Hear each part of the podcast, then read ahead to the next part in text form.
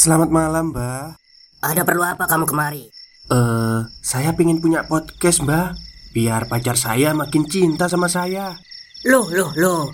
Mau bikin podcast kok tanya dukun? Sekarang kamu download aplikasi Anchor.fm. Di situ kamu bisa buat podcast gratis dan podcast kamu bisa didistribusikan ke platform mana pun. Dan di aplikasi atau website Anchor.fm juga terdapat fitur-fitur yang memudahkan kamu untuk membuat podcast. Oh, gitu ya, Mbak. Kalau gitu, saya boleh minta password wifi-nya, Mbak. Buat apa? Buat download Anchor.fm, Mbak.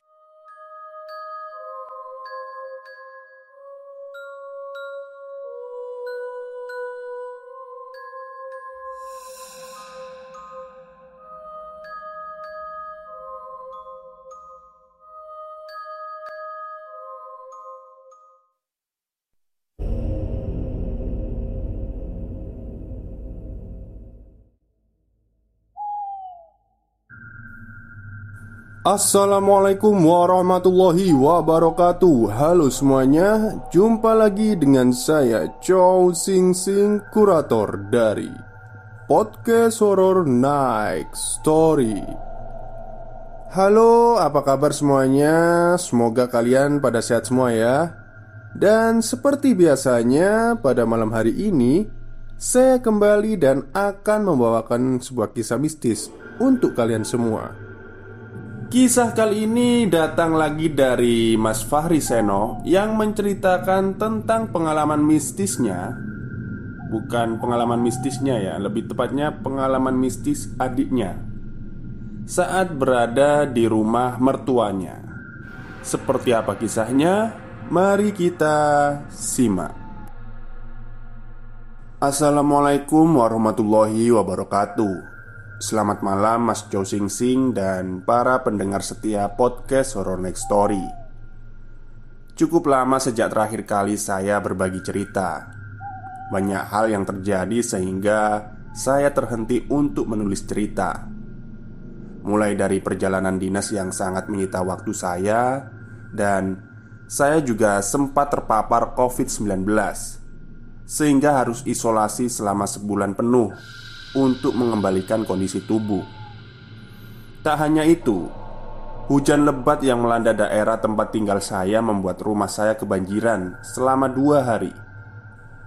Lengkap sudah semua hal yang terjadi untuk menyita waktu saya. Ternyata masih ada lagi kejadian yang terjadi lagi. Omku yang selama dua tahun berjuang melawan penyakitnya akhirnya menghembuskan nafas terakhirnya. Setelah semua hal yang terjadi, akhirnya saya bisa kembali menulis cerita yang dialami oleh adik kandung saya. Juli 2018 menjadi hari yang paling bahagia bagiku. Aku melepas masalah jangku dan abangku satu-satunya juga dapat pulang dari merantau untuk menghadiri pesta pernikahanku. Oh, jadi ini ceritanya diambil dari sudut pandang adik perempuannya Mas Fahri Seno. Tapi siapa sangka kalau itu akan menjadi awal teror yang aku alami setelah menikah. Perkenalkan, namaku Tian. Aku adalah adik dari Fahri abangku yang sudah beberapa kali menuliskan ceritanya di podcast ini. Selepas pernikahanku, aku dan suami sepakat untuk tinggal di rumah orang tua suamiku, atau lebih tepatnya numpang di rumah mertua. Walau sebenarnya kami sudah punya rumah, namun mertuaku melarang kami untuk pindah karena mereka merasa sepi jika harus ditinggal berdua saja di rumah. Akhirnya kami sepakat untuk tinggal di rumah mertua menemani mereka. Dan umur mereka juga sudah tidak muda lagi. Sudah banyak penyakit yang datang karena usia. Jadi lebih bijak jika kami tinggal di sana menjaga mereka. Dan rumah orang tuaku juga tidak jauh dari rumahnya. Jadi aku juga bisa sering-sering melihat orang tuaku sendiri Walaupun orang tuaku masih terlihat sehat dan muda karena masih sanggup untuk melakukan aktivitas mereka sendiri tanpa bantuan dari anak-anaknya. Cerita ini dimulai ketika bapak mertuaku meminta untuk menebang sebuah pohon rambutan di belakang rumah. Belakang rumah kami adalah sebuah tanah kosong yang dipenuhi oleh rumput tinggi dan ilalang. Ada sebuah pohon rambutan yang besar amat rindang. Pohon itu sudah tua dan Buah yang dihasilkan juga tidak banyak. Ada banyak benalu tanaman di batang pohonnya. Cukup untuk membuat seram jika aku membuang sampah di belakang rumah pada waktu malam. Akhirnya, bapak mertuaku meminta untuk menebang pohon itu agar cahaya matahari dapat masuk dan sirkulasi udara lebih segar. Hal itu ternyata disambut baik oleh tetangga sebelah rumah yang juga merasa lebih baik untuk menebang pohon itu. Pak Anwar, begitu warga memanggilnya. Pak Anwar ini seorang kontraktor yang jarang pulang karena pekerjaannya yang di luar kota, sehingga rumahnya lebih sering kosong karena istrinya juga bekerja sebagai guru dan anak satu-satunya juga sudah bekerja di sebuah perusahaan swasta. Akhirnya diputuskan Pak Anwar mencari orang untuk menebang pohon itu. Bukan hal yang susah bagi seorang kontraktor untuk mencarinya. Singkat cerita, pohon itu akhirnya ditebang. Tidak ada hal yang mengganjal saat penebangan pohon itu. Semua berjalan biasa saja. Sampai aku mengalami hal yang menyeramkan. Hari ini aku shift siang sehingga aku akan pulang jam 10 malam. Aku pergi kerja diantar oleh suamiku karena dia tidak kerja hari ini. Ini hari Sabtu, kantornya libur. Jam 10 malam, suamiku menjemput di gerbang depan. Aku langsung menghampirinya Cari makan dulu yuk mas, belum makan nih Oke yuk Jawabku singkat sambil menaiki sepeda motor dan memakai helm. Kami akhirnya memutuskan untuk membeli sate ayam karena melihat tempatnya yang ramai, kami memutuskan untuk membungkusnya dan segera pulang. Sesampainya di depan rumah, aku turun dan membuka pagar rumah. Aku langsung membuka pintu garasi dan masuk ke dalam. "Mas, pagarnya jangan lupa dikunci ya," Kataku sambil melepas sepatu Dan melepaskannya di rak. Oh iya Mertuaku sedang tidak di rumah. Terkadang mereka suka menginap di rumah kakak iparku Karena kakak iparku itu baru saja melahirkan anak keduanya Jadi mereka lebih sering menginap di sana dibandingkan di rumah sendiri Aku langsung masuk ke kamar menghidupkan lampu dan meletakkan tasku di meja Aku pun keluar dari kamar. Kulihat suamiku lewat melintasiku menuju dapur. "Mas, ambilin piring sekalian ya," kataku. Namun, suamiku hanya diam saja. Aku pikir dia mungkin mau ke toilet karena udah kebelet. Aku duduk di sofa ruang TV dan kagetnya aku saat melihat suamiku masuk dari arah pintu garasi. Aku hanya terdiam melihatnya Masuk ke dalam rumah Kenapa kamu dek? Tanyanya heran kepadaku Mas, bukannya tadi ke dapur ya? Balasku bertanya Hah? Mas dari depan kok habis kunci pagar? Jawabnya dengan santai Sambil masuk ke kamar Aku langsung bangkit dari duduk dan menuju dapur Benar di sana kosong, tidak ada orang. Bahkan di toilet pun juga kosong. Tidak ada bekas air di lantai. Berarti suamiku memang tidak bercanda. Lantas, siapa yang aku lihat tadi? Aku menceritakan hal ini kepada ibuku saat aku berkunjung. Ibuku berkata bahwa itu bisa saja makhluk halus yang menyamar jadi suamiku. Maklum, ibuku ini kejawennya sangat kuat. Sehingga sejak itu, ibu melarangku untuk tidur di rumah sendirian jika suamiku dinas keluar kota. Lebih baik aku tidur di rumah ibu saja, katanya. Aku berpikir ini hanya terjadi di malam hari saja. Ternyata tidak. Di hari yang lain, aku merekam video di rumah tersebut dengan keponakanku. Anak kakak iparku sedang main ke rumah, sedangkan suamiku sedang keluar membeli minuman. Kami bermain video di sebuah media sosial.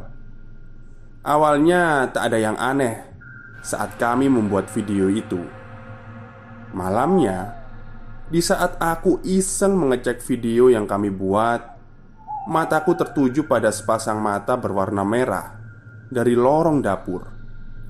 Dan ada kuku-kuku jari seperti cakar yang memegang dinding lorong, seperti seorang yang sedang mengintip. Selebihnya hanya seperti ada suara orang yang sedang berjalan atau memainkan benda di dalam rumah. Aku hanya berpikir hal itu biasa. Mungkin mereka mau berkenalan denganku. Semenjak itu, aku tidak berani untuk di rumah sendirian. Jika suamiku belum pulang, aku lebih memilih untuk main ke rumah ibuku Ternyata bukan hanya aku yang mengalami gangguan, namun tetangga sebelah juga mengalami. Pak Anwar memiliki seorang anak perempuan yang sudah bekerja dan kerap kali pulang malam juga. Kejadian ini terjadi saat Pak Anwar sedang bekerja di luar kota dan istri serta anaknya mengalami gangguan mistis dari makhluk halus. Ana Begitu kami memanggil anak Pak Anwar itu. Dia seorang gadis yang pendiam dan kurang bergaul dengan tetangga. Karena anaknya memang pemalu dan bisa dibilang tertutup juga sih. Sebut saja Bu Nani, istri dari Pak Anwar. Malam itu Bu Nani sendirian di rumahnya. Suaminya sedang melihat proyek di luar kota. Dan anaknya Ana belum pulang dari kantor Rumah mereka memiliki dua lantai dan lantai dua adalah kamarnya Ana. Kamar itu memiliki jendela yang menghadap ke belakang rumah. Malam itu, Bu Nani merasa kalau dari dalam kamar Ana terdengar suara seperti orang yang sedang berjalan mondar-mandir. Karena lantainya dari kayu sehingga terdengar ada suara decitan kayu ketika ada yang berjalan. Bu Nani berpikir bahwa anaknya sudah pulang. Namun Tidak terdengar suara motornya. Akhirnya Bu Nani pun naik ke atas Untuk memastikan siapa itu.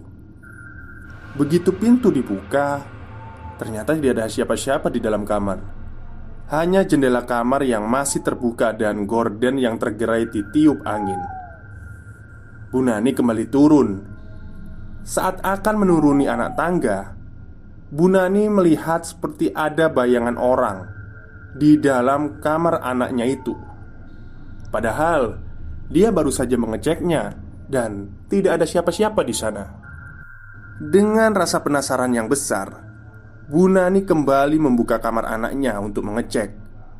Dan benar, tidak ada siapa-siapa di sana. Bu Nani yakin sekali kalau ada yang dilihatnya dan ada bayangan orang yang berjalan. Akhirnya Bu Nani pun turun ke ruang keluarga untuk kembali menonton televisi. Saat tiba di bawah, Bu Nani melihat suaminya sudah pulang dan berjalan ke arah kamarnya. "Sudah pulang, Pak?" tanya Bu Nani sembari turun dari tangga. Tapi suaminya hanya diam dan berjalan masuk ke kamar. Mungkin suaminya lelah, pikirnya.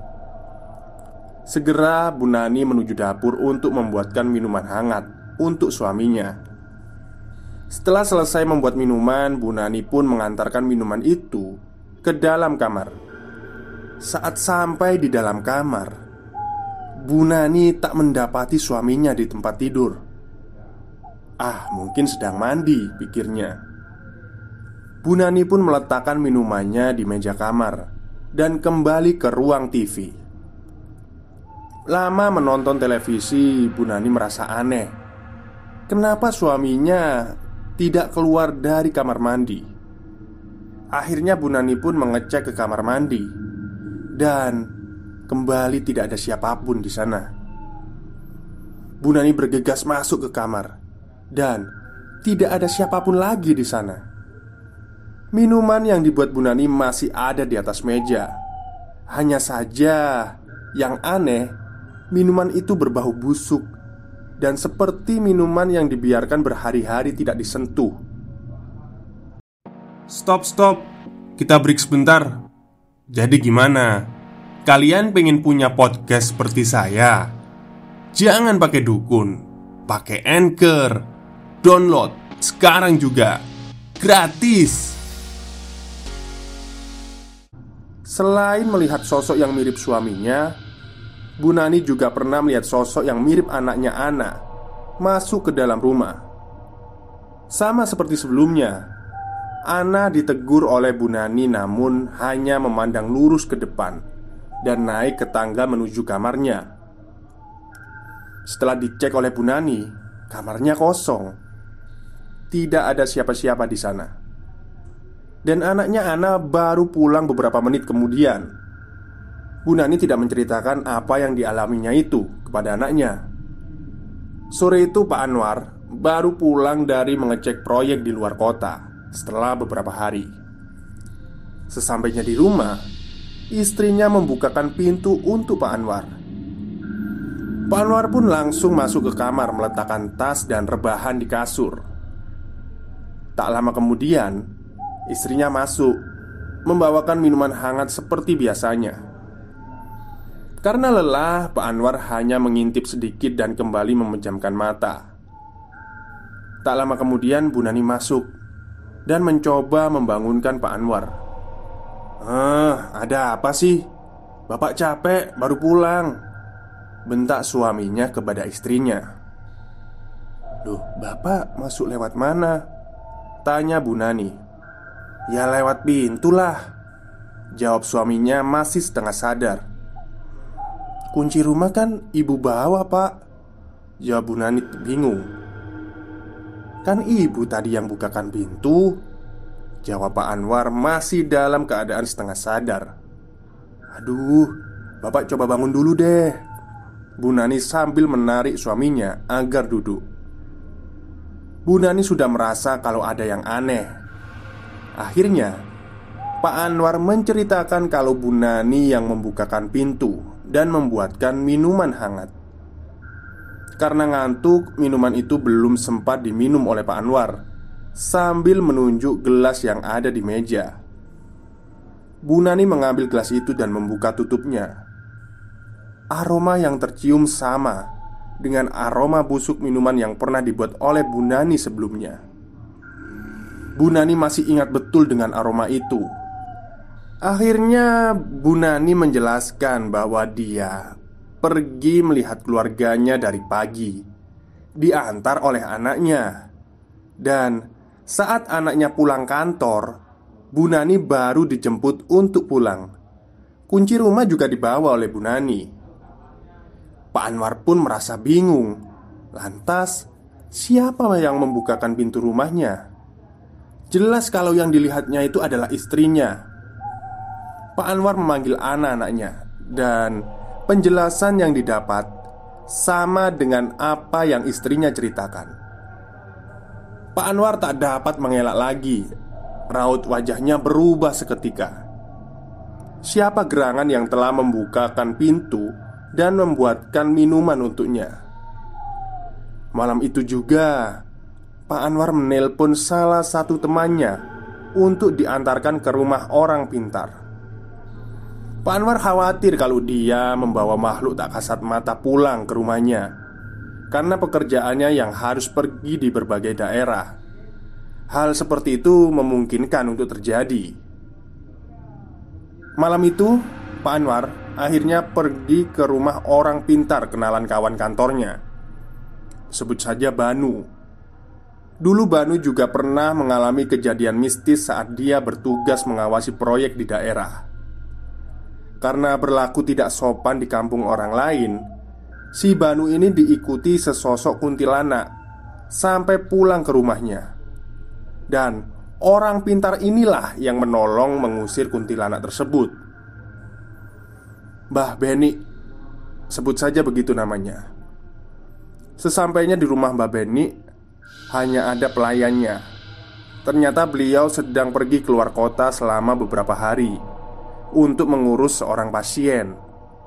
Akhirnya, Banu dan Pak Anwar hanya menitip pesan jika Mbah Beni sudah pulang, segera tolong menelpon Banu.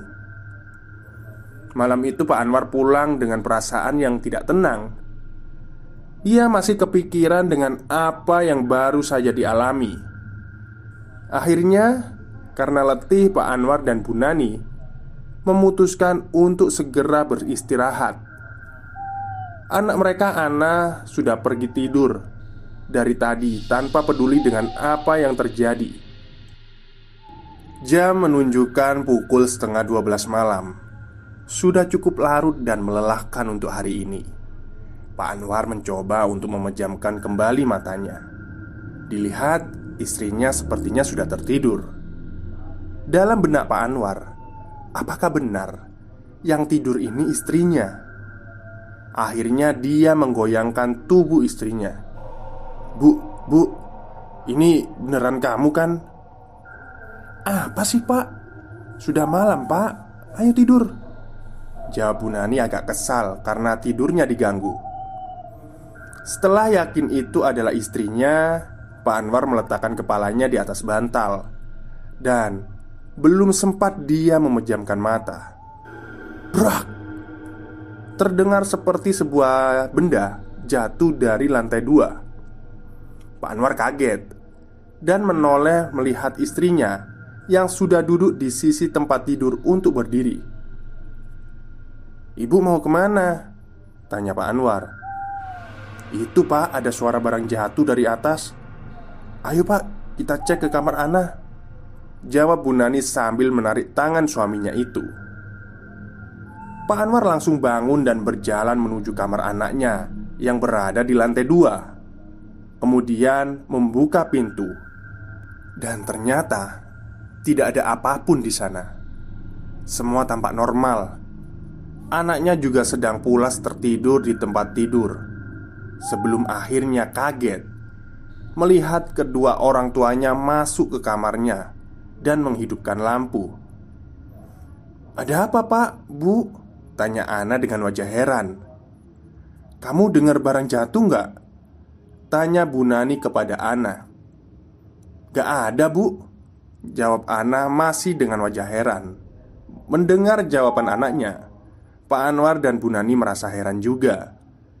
Di lantai dua ini hanya ada kamar anaknya Dan jika ada suara barang jatuh sekeras itu Pasti anaknya mendengar.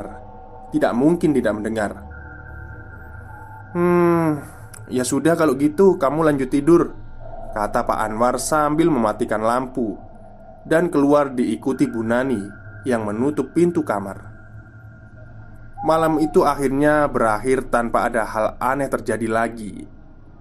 Tapi itu merupakan awal sesuatu yang menimpa anak mereka Semua dimulai pagi hari saat Bu Nani membangunkan Ana Tidak ada jawaban dari anaknya itu. Pak Anwar sudah duduk di meja makan untuk sarapan. Bu Nani membawa nasi goreng dari dapur untuk sarapan mereka. Bu Nani mengambil nasi untuk suaminya dan anaknya di piring. Anehnya, Ana hanya melihat makanan itu dan kemudian berdiri. Tangannya langsung meraup nasi panas yang ada di tempat itu dan memasukkan ke dalam mulutnya. Sambil berjalan menuju ke garasi untuk berangkat kerja. Bu Nani dan Pak Anwar terdiam melihat tingkah aneh anaknya itu. Jelas ada yang tidak beres dengan anaknya itu. Pak Anwar teringat dengan Banu dan segera menghubungi apakah Mbak Beni itu sudah pulang dari luar kota? Jawabannya masih belum. Malam hari, Ana pulang dengan berantakan. Rambut, pakaian, dan tas yang dibawanya begitu berantakan. Bahkan masih ada sisa-sisa makanan di mulutnya yang terlihat. Pak Anwar dan Bu Nani yang melihat itu merasa takut. Ada yang aneh dengan anaknya itu. Setiap harinya dia hanya mengurung diri di kamar, tidak keluar untuk makan, mandi atau apa pun. Dari luar, Bu Nani mencium bau bangkai yang tak sedap, seperti bangkai hewan yang mati. Bu Nani pernah mencoba untuk masuk ke dalam kamarnya, namun pintu kamarnya terasa berat, seperti ada yang menahannya. Dan jika sudah terbuka sedikit, Ana akan melempari pintu itu sambil berteriak pergi. Suaranya parau. Beda dengan suara Ana yang dikenal oleh Bu Nani. Sudah tiga hari Ana mengurung diri di kamarnya. Bu Nani tak berani untuk membuka pintu. Karena Ana akan melempar pintu dengan barang yang ada di dalam kamarnya Sambil berteriak untuk keluar. Begitu pula dengan Pak Anwar Akhirnya mereka sepakat untuk menunggu kabar dari Banu terkait Bah Beni. Malam itu Pak Anwar menerima telepon bahwa Bah Beni sudah pulang dari luar kota. Tanpa pikir panjang, Pak Anwar langsung mengatakan untuk segera menjemput Bah Beni. Singkat cerita, Pak Anwar, Banu, dan Bah Beni sudah sampai di rumah Pak Anwar. Di depan rumah, Mbah Beni sempat kaget dan berkata bahwa tidak cuma satu makhluk yang ada di sini, melainkan banyak. Ini sudah seperti tempat perkumpulan untuk makhluk yang tak kasat mata. Mereka langsung menuju lantai dua ke kamar Ana. Mbah Beni sempat menyuruh untuk tidak ada yang masuk ke dalam kamar Ana. Apa pun yang terjadi, jangan ada yang masuk. Bahkan jika ada teriakan minta tolong untuk dibukakan pintunya, jangan ada yang masuk. Babani masuk ke dalam kamar Ana. Anehnya, begitu mudahnya dia membuka pintu kamar itu. Sedangkan Pak Anwar yang mau membuka pintu itu terasa amat berat. Seperti ada yang menahan di balik pintu. Terdengar jelas suara tertawa Ana.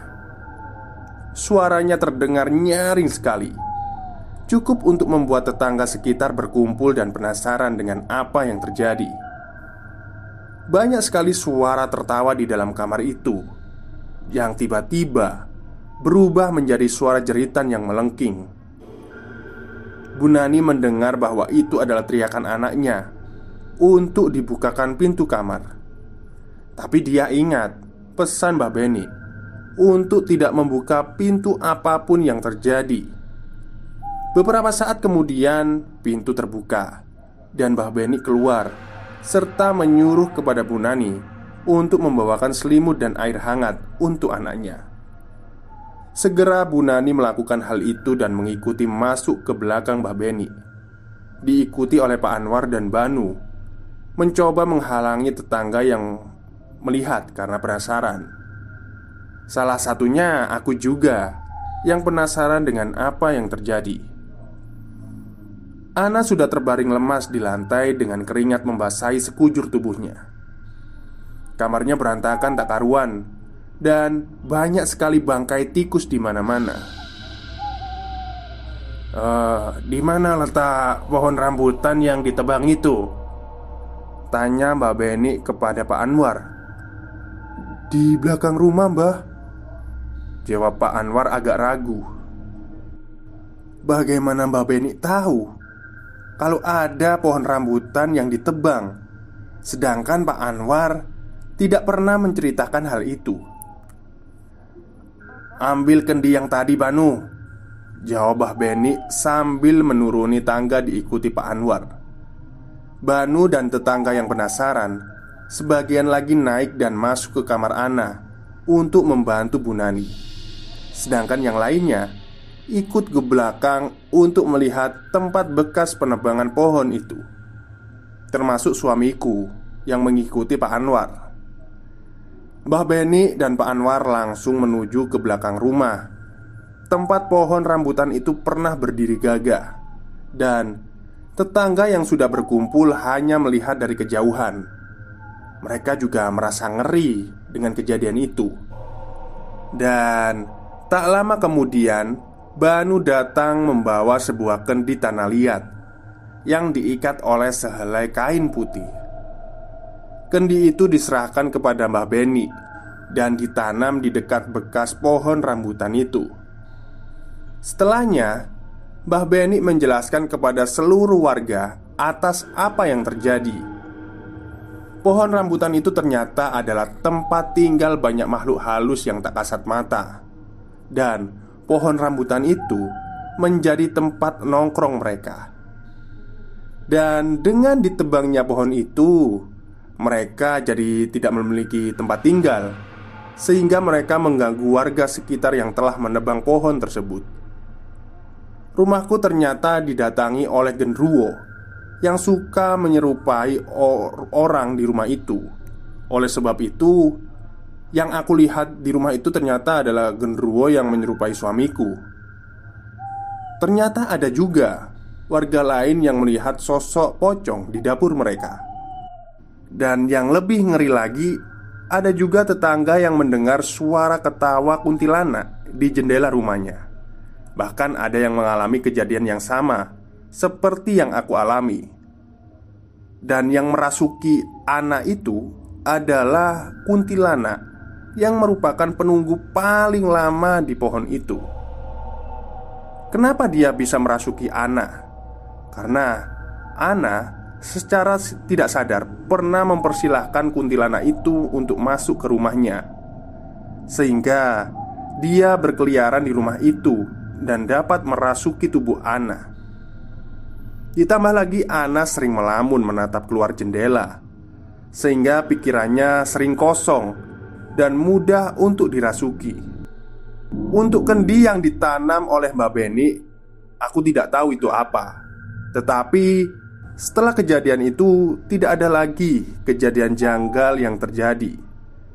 Semua sudah kembali normal seperti sebelum pohon itu ditebang. Sekian cerita yang bisa aku bagikan pada malam hari ini. Terima kasih kepada Mas Chow Sing Sing yang sudah membacakan ceritaku ini.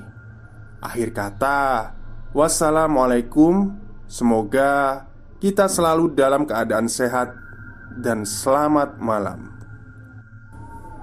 Oke, terima kasih kepada adiknya Mas Fahri yang sudah menceritakan kisah mistis yang dialami oleh keluarga lainnya sebenarnya ya. Ya, dialami Mbak Ana juga sih. Jadi memang ya, makhluk halus itu seperti manusia.